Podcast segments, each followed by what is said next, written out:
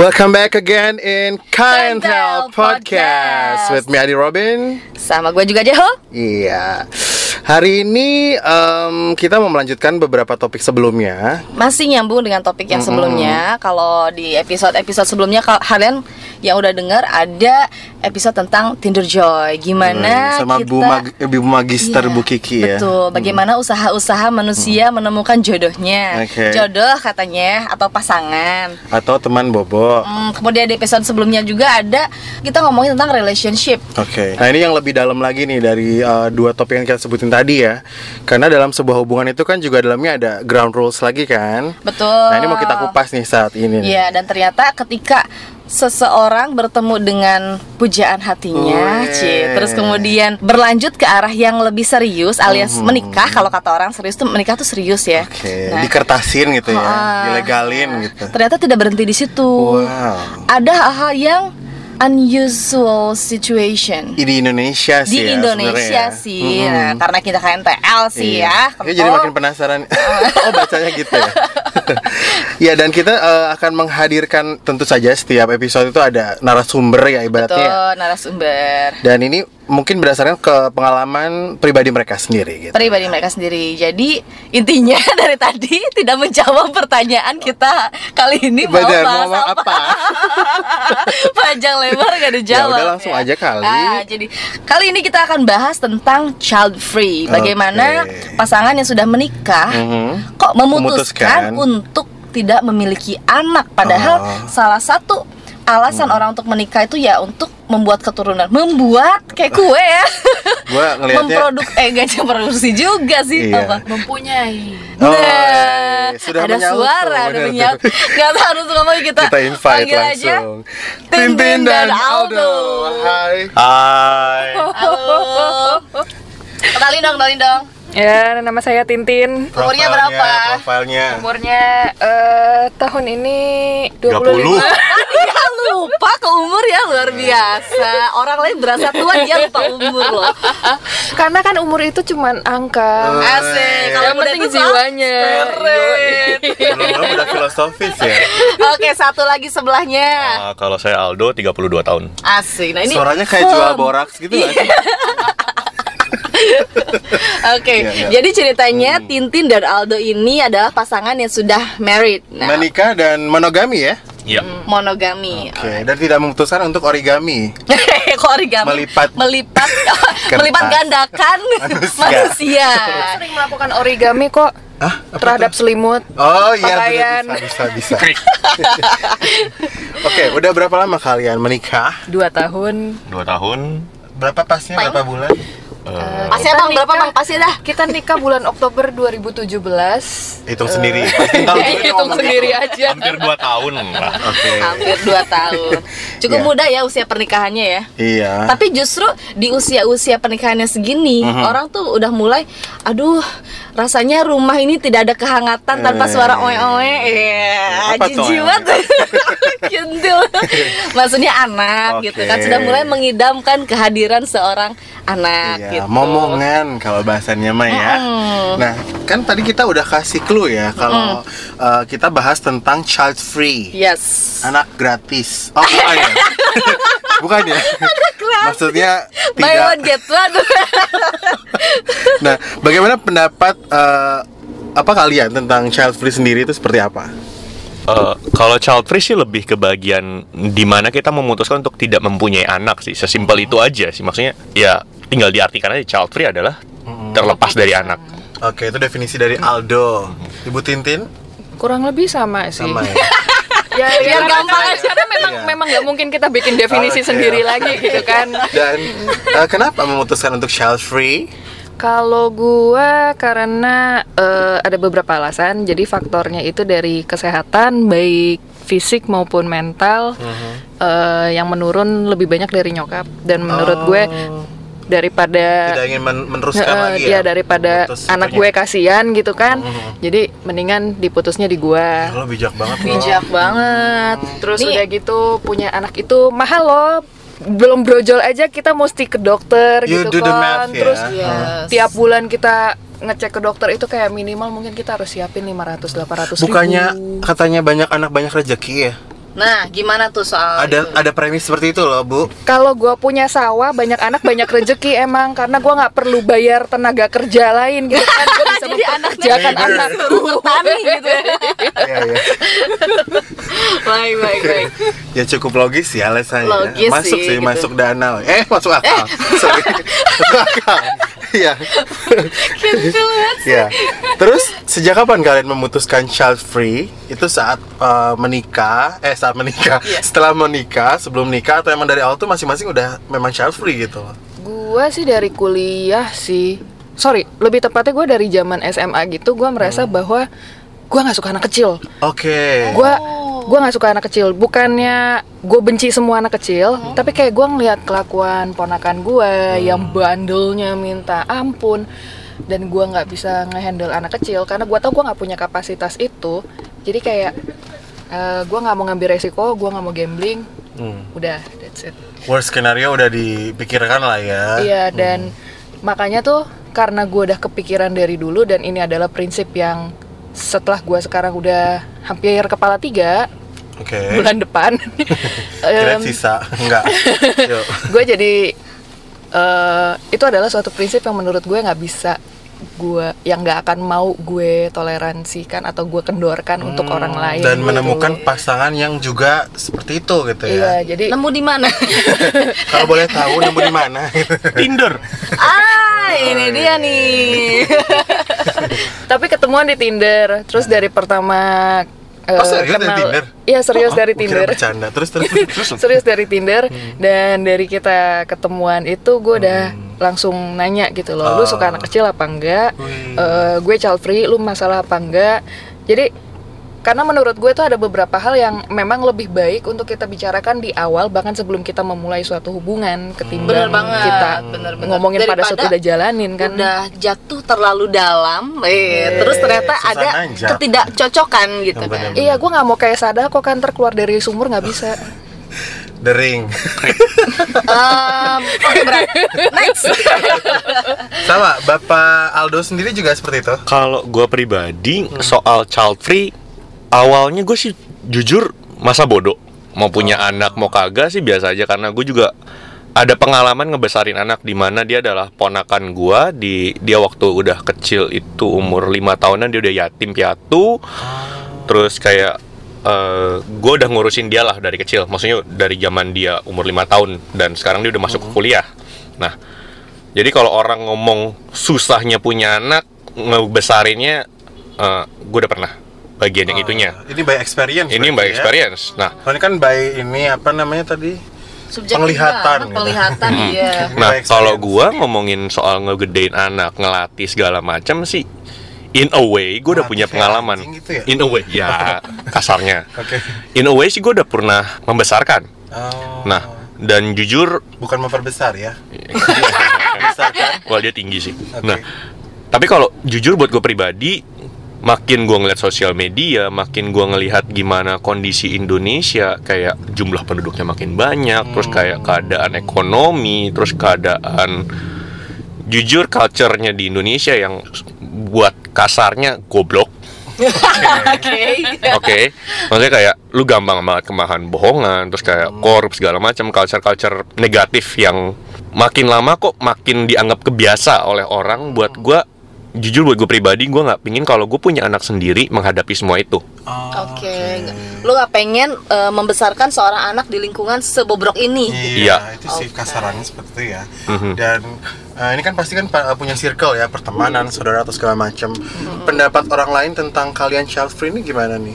Kalau gua pribadi sih eh, mungkin sedikit ke latar belakang keluarga gue ya. Keluarga gue itu cukup mix dan kita cukup open. Mix dalam arti kata dari ras ataupun dari agama. Oke. Nah, keluarga gue cukup open dan di keluarga gue juga cukup banyak yang tidak menikah ataupun tidak punya anak. Jadi mereka biasa aja. Itu dari keluarga gue. atau punya anak pas di usia yang udah agak tua, Tua. Iya memang kayak Hmm. rata-rata di keluarga gue itu ada yang umur 40 baru punya anak. Oh. Jadi buat mereka biasa aja. Lo nggak mau punya anak, lo mau punya anak ya udah itu urusan lo. Hmm, memang beruntung gitu ya Nah, ada di keluarga yang keluarga gue seperti itu keluarga dia kalau Nah, keluarga gue enggak Tintin gimana Gimana Bu Tintin? nah ini. Nah kalau misalnya nyokap gue tuh, gue pernah ngomong sama nyokap gue bahkan dari sebelum gue nikah sekalipun, gue sebelum ketemu sama si Aldo pun, gue udah pernah ngomong bahwa gue nggak mau punya anak gitu loh. Terus eh, reaksi mereka adalah ah nanti juga kamu akan berubah pikiran kok, Ah, kamu masih ada jangan ngomong gitu, ya. Iya, kamu jangan ngomong gitu sekarang. Nanti ntar kalau misalnya beneran nggak punya anak gimana? Eh, ngomongnya kayak gitu. Jadi dan bahkan setelah gue nikah sekalipun kayak awal-awal nyokap gue kayak buruan lah punya anak, buruan punya anak. Aduh, ma, gue nggak mau punya anak. Jangan gitu. Nanti kamu beneran nggak punya anak gimana? Ya bagus. Maunya begitu. memang ya orang itu yang tadinya mendoakan menjadi mengutuk gitu Iya benar. Ujungnya tuh memang menakut nakut itu kayak jurus pamungkas nggak sih? Iya kan? Dan dan di beberapa circle temen gue kan gue masih ada circle yang open minded dan Aha. ada yang masih rada kolot gitu loh. Jadi menurut Tradisional, mereka ngapain sih nikah kalau misalnya nggak pengen punya anak?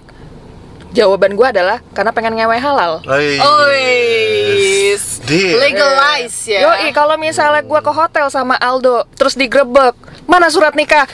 Tunjukkan on your face. Iya sih bisa ya. bisa bisa Oke. bisa bisa Terus eh, kan ada nih eh, yang bilang tuh katanya anak tuh kan mungkin investasi ya, mungkin. Tapi ada beberapa yang meyakini itu memang investasi gitu. Nah kalian nggak takut nih kalau memang udah tua gitu, terus kan nggak punya anak nih, itu nanti kalau udah tua gitu yang ngurus siapa gitu? Banyak jujur kan? kalau Banyak yang mikir gitu kan? Aha. Jadi soal udah tua siapa yang ngurus ini keluarga gue dulu lumayan banyak yang kayak gitu. Oke. Nah biasanya mereka menggunakan suatu jasa yaitu adalah pengasuh bahkan Neni. eh, eh, neni. Jadi gini deh anak misalnya udah gede kita udah tua taruh lah misalnya kita umur berapa sih nggak sanggup ngapa-ngapain 80 lah misalnya anak kita mungkin umur berapa 40, 50, mereka juga udah akan punya keluarga sendiri mungkin. Oke. Iya. Atau mereka juga udah punya kesibukan masing-masing udah punya anak lagi malah mungkin gitu kan gue udah punya cucu gitu Iya. mungkin kalau misalnya punya punya anak nah itu sibuk kan Iya. punya anak itu ribet. Mereka punya kerja mereka punya tanggung jawab masing-masing. Masa gue nambahin punya gue dan juga kalaupun misalnya gue ngelihat yang lain nih sering kok orang tua yang kayak udah tua juga sering ditelantarin sama anaknya. Benar.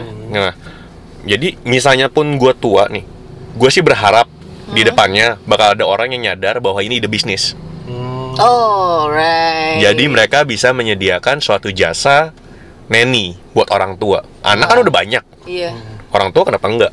ya wah sekarang emang banyak juga sih jasa-jasa seperti itu gitu Mhm. baik yang emang premium ibaratnya premium trusted gitu ya Iya, trusted iya. dan emang uh, it works gitu Nah, Iya. cuma ada juga cerita-cerita yang uh, neni neni atau suster yang uh, Abusive. menjaga itu yang abusive gitu dan itu kemudian dibumbu-bumbui lagi dengan cerita-cerita konservatif yang wah seorang anak menelantarkan orang tuanya masa iya bla bla bla gitu kan Ya. Yang gue lihat juga kayak orang tua tuh takut banget gitu kan untuk masuk ke rumah jompo. Di satu sisi menurut gue tuh rumah jompo justru adalah suatu tempat yang sangat ideal untuk orang tua. Kenapa? Karena mereka bisa ketemu dengan orang-orang yang sepantaran mereka. Mereka sosialisasi lagi, mereka bisa nemu temen yang sehobi. Ibarat Satu kata frekuensi ya. Iya, ibarat kata kayak pas kita kecil kita dimasukin ke playgroup kan ya, Satu biar kita sosialisasi gitu kan. Sama halnya gitu loh daripada cuman di rumah doang, terus kayak Bingung ya, mau nggak mau ngapain. ngapain, terus ntar mau jalan tapi nggak ada yang nganterin karena anak-anaknya sibuk. obrolannya nggak nyambung ya kan Eh, terus Iya. udah gitu yang ada ntar berantem karena miskomunikasi doang.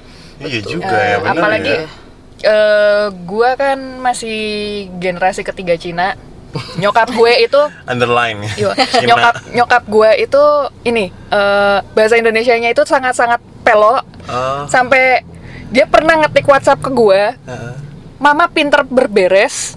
Maksudnya di itu dia ngetiknya Mama printer belas. Pinter itu banget. ada Oke, gimana gue nggak miskomunikasi sama emak gue? Tapi kok bisa ngertiin ya? ya mungkin karena Sudah chemistry ya. Mau nggak mau ada bahasa sandi tersendiri gitu ya. es cendol jadi es condor. Oke oke. Nah, Keserpong jadi kesepong. Eh, Oi, Lu tau, cerot. lu, lu, lu tahu Venice? agak-agak Yang- kinky ya mamanya Tintin ini. Lu, lu tahu Venice? Tahu yang buat Iya. bikin mesin ini? Iya, itu eh, neneknya teman gue. Ini kejadian di nenek teman gue. Di mana, Ci, Ci, kamu mau ke Indomaret? Iya. Oh, nitip penis dong. Itu biasa orang Sunda kan nggak bisa Kasirnya. ngomong via. Penis kasirnya. Nah, ini kan berarti selama berapa? Dua tahun ini kan udah child free kan berarti kan ya. Keuntungan yang lo rasain selama beberapa tahun menjadi child free ini iya. apa nih? Kami bebas berkelana. Wih, strong word. Ya gimana nih berkelana? Iya. Berkelana dalam artian ya kita bisa pulang malam atau subuh bahkan. Terus udah gitu bisa main game sepuasnya. Oke. Paling ya salah satu dari kita aja sih yang ngegangguin sih. Setidaknya nggak ada tambahan kucrit-kucrit yang lain gitu kan. Iya. Kalau kalau Aldo gimana? Paling kalau versi seriusnya ya, eh, kita sih punya kebebasan dalam hal waktu. Eh, di mana kita bisa punya waktu buat kita sendiri. Jadi hobi lo lah ataupun juga dengan lo menghabiskan waktu dengan teman-teman. Jadi jujur gue punya beberapa teman yang udah nikah dan begitu mereka punya anak, mereka hilang. Mereka sama sekali nggak nggak tadi kedengeran. disebutin ya. Mhm, mereka yang tadinya aktif di mana-mana, terus sekarang begitu mereka nikah punya anak, mereka hilang. Mereka kayak nggak ada kabar, nggak ada ini itu. Begitu dikontak juga, aduh ribet nih anak gue gini. Oh. Depannya pasti adanya itunya ya. Anak gue gini. Anak gue gitu. ya. Iya, bahkan ada beberapa temen kita juga yang kayak apa ya ibaratnya kayak kabur ke rumah kita gitu, mencari tempat ketenangan sementara sampai safe sampai house. akhirnya dicari oleh anaknya atau istrinya. Oh, gitu. Bahkan sampai ada kita running joke, kenapa lo nyesel nikah? Dan yang diomongin hampir muncrat. Oke. Nah, ini eh, sedikit lagi nih ya pertanyaannya ya. Nah, dari data laju pertumbuhan penduduk atau LPP kan 1,39 persen dari Badan Kependudukan dan Keluarga Berencana Nasional. BKKBN. Oh iya, Ya, BK. BKKBN 4,2 sampai 4,8 juta bayi itu lahir di Indonesia dalam satu tahun terakhir. Hmm. Jadi itu sekitar 267 juta jiwa orang Indonesia ya. Nah, gimana? Itu cukup loh udah buat ini Buat apa? jadi followers 4, 4 juta Iya, benar tuh ya. udah dapat endorse puluhan juta rupiah sekali iklan ya. Dari data tadi nih ya, gimana cara supaya rencana tepat pelaksananya gitu nggak kebobolan gitu atau gimana? Nah, kalian kan pengen child free, Pak. Iya, pengen child free tapi eh ujung-ujungnya ke kebobolan gitu Iya. kan. Nah, Ada loh beberapa temen gue kayak gitu. Usaha Mereka child kalian gimana? kebobolan. Ada beberapa cara, ada seribu satu cara kok untuk tidak kebobolan. Oke, oke. Salah satunya kondom, kontrasepsi. Itu Seribu paling- lainnya? Yoi. Kondom juga.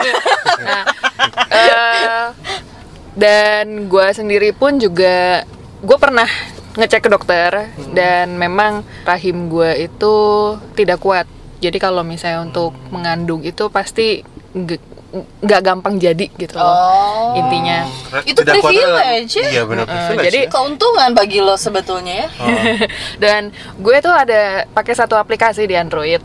Hmm. Eh, ini sebenarnya ada di iOS juga sih, tapi gue pakainya di Android. Itu namanya Flow. Jadi kalau misalnya kayak gue lagi menstruasi, Hmm, eh gue akan taruh gue kira-kira menstruasi gue siklusnya berapa hari sih let's say contoh gue 35 hari Hmm. jadi dari hari pertama itu gue udah langsung eh, masukin ke aplikasinya dan itu ke record Hmm, hmm, hmm. terus di sana juga kit- kayak aplikasi ini tuh ngebantu banget untuk kita mengenal tubuh kita gitu loh jadi kayak apakah tubuh kita sedang masa ovulasi atau tidak terus Keren ya, Iya. sudah canggih sekali ya. sangat-sangat sangat-sangat informatif gitu loh Berarti sehingga zamannya tepat sekali ya sekarang nih. sangat sangat banget jadi Membantu. Iya. mau sangat membantu gitu loh sehingga gue juga pakai aplikasi ini untuk kayak cari tahu gitu kalau misalnya si Aldo lagi pengen ngecrot di dalam Astaga, Oh. Apakah gue lagi Kintil. apakah iya. gue lagi high chance of pregnancy atau enggak Oh, ya itu sebetulnya udah bisa diatur lah ya zaman sekarang sains tuh udah mendukung sekali. banget. sangat sangat advance banget dan kita juga sebetulnya kita bisa dengan mudah mendapatkan informasi tapi memang orang di Indonesia itu jarang banget yang mau baca yang mau Malas. ngulik iya yang mau ngulik jadi ah, mereka tuh lebih gampang percaya dengan omongan orang ketimbang mereka mencari tahu sendiri Nah, Iya sih, itu sih. Mungkin Makanya tadi tambahan- zaman bobrok tadi ya. Tambahan dari gua sih paling kalau misalnya eh, tidak yakin dengan yang dibaca, Mhm. carilah dokter kandungan Nah, Mhm. mereka Yang kredibel ya? Yang kredibel. Kalau mungkin di Jakarta yang gampang angsa merah. Oke. Google aja itu nama. Nah, mereka tuh akan memberikan bantuan seprofesional mungkin Hmm. untuk mengenai hal-hal pertanyaan baik dari kegiatan seksual, penyakit, dan juga termasuk di dalamnya adalah KB itu sendiri. Jadi Detail ya. mhm, mungkin lu nggak mau child free, tapi lu ternyata cuma pingin punya satu anak nih, karena Oh. lu eh, kira bahwa, aduh dua anak gua nggak kuat deh kalau di Jakarta. Oke. Paling gampang sekarang lu masuk SD aja kena berapa juta? 15 Iya, jutaan ke swasta. Ih, Uh, lu Buat liburan ke Jepang em. Hmm, Oh. Mantep. Nah, misalnya ternyata, aduh, gue cuma punya sanggup nih satu. Nah, Ah. lu kontak lah profesional ini. Mereka bisa kok ngebantu gimana cara lu untuk ngerencanain. Oh, gue cuma pingin punya satu. Oh, gue cuma pingin. Oh, gue nggak pingin sama sekali malah. Nah, itu mereka akan memberikan option-option untuk hal lu. Dan mereka tidak menjudge. Seharusnya, kalau iya. mereka menjudge, lu cari dokter lain. Hmm, oke oke oke. Nah, gue penasaran juga ya soal tadi eh, persiapan gitu di kala kita menjadi tua gitu Mhm. kan. Nah, ketika kita nggak punya anak, kalau generalnya orang tuh kan eh, memikirkan, ayo udah nanti kalau udah udah tua gitu kan Mhm, ya. Eh, yang merawat kita, eh, kita ada anak kita gitu. Kalau kita Iya. udah mulai tidak bekerja lagi, nanti Tidak mungkin ya, hmm, ya. tidak produktif lagi, yang akan membiayai anak kita gitu. Nah, Mhm. kalian sendiri eh, udah kebayang nggak sih gitu untuk mempersiapkan masa tua kalian gitu? Akan seperti apa gitu. versi kalian? Kalau gue sih di satu sisi ya nyimpen duit. Oke, nyimpen duit saving lo ya. nyimpen duit lo bisa taruh di deposito atau lo mau investasi atau lo mau apa. Maksud gue zaman sekarang itu banyak banget Instrumen beberapa ya, hal ya. untuk bisa nambahin duit gitu loh. Hmm. Dan buat gue ya emang harus di planning dari sekarang sih walaupun kita belum tentu umur 80 tahun kita udah tua renta gitu loh. Karena gue ngelihat dari keluarganya si Aldo tuh kayak umur 80 aja masih bisa semangat jalan nggak pakai tongkat. Oh, ini anda turunan alien. Invader ya. Cuman masalahnya satu, spend life-nya gimana? Oh, iya, iya, iya. Iya ya. Nah, kalau gue pribadi sih, perencanaan gue adalah gue bikin bisnis. Oke. Berharap ketika gue sudah pensiun, itu bisnis sudah jalan. Tentunya ya itu tinggal menjadi uh, income gue nantinya, sharing dan segala macem. Dan ketika itu bisnis sendiri pun, selama gue masih kuat sih lanjut aja terus gitu kan, nggak ada masalah.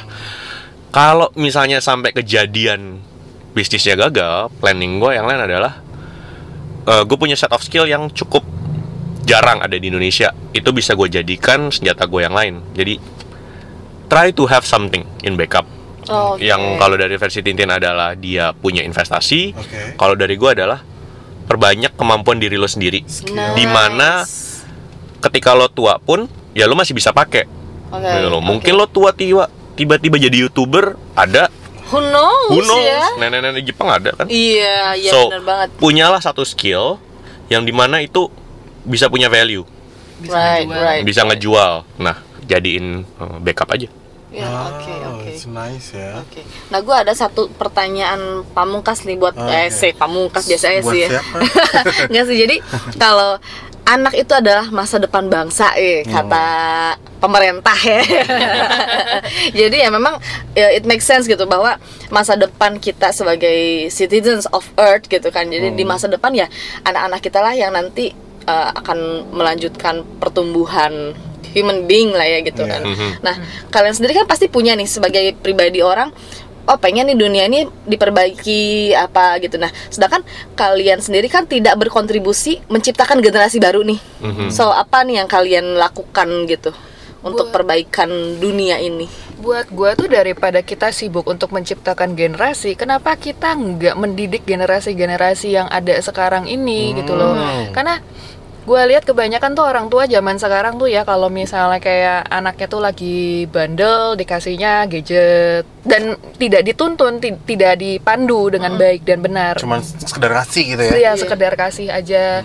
Terus anak mereka tuh kayaknya eh, agak dicuekin gitu kan. Kalau misalnya kita dulu kan kita ngeliat bokep dikit langsung dimarahin. Iya. Kalau yang sekarang tuh kayak kamu baca apa? Oh, baca ini.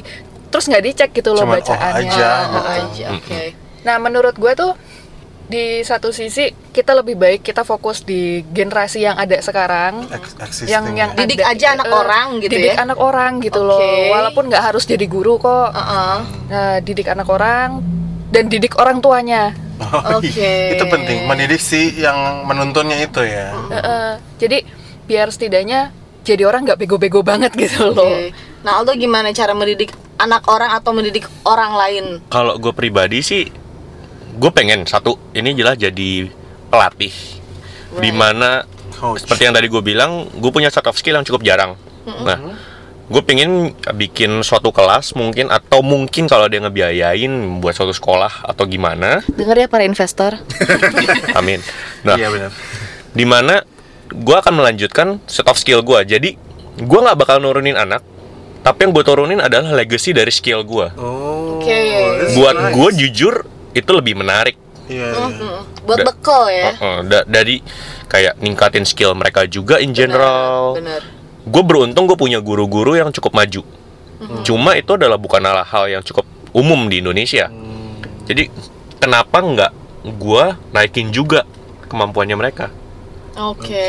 meningkatkan standar Hmm. Bener bener bener meningkatkan standar. ya. Maksudnya gue bisa nerusin dari legacy yang lain gitu, nggak harus berupa anak, tapi bisa juga dari peningkatan kualitas yang ada segala macem. sama halnya dengan orang yang lu nggak harus punya anak dari lu sendiri lu bisa adopsi Oke. gitu loh itu banyak opsi dan menurut gue kalau misalnya uh, dengan adopsi pun ya selama didikannya kita bener sih harusnya nggak terlalu masalah ya Hmm. gitu loh karena buat gue ya kepribadian seseorang tuh dibentuk tuh nggak cuman dari keluarga Banyak faktor banyak ya. faktor Eksternal atau lingkungan lingkungan. teman terus udah gitu informasi yang mereka dapat dari internet Iya sih. Nah, apalagi kan sekarang kan kita internet kita mau nyari informasi apa kan gampang kan tinggal Google doang. Iya benar ya. Tinggal jangan bego aja.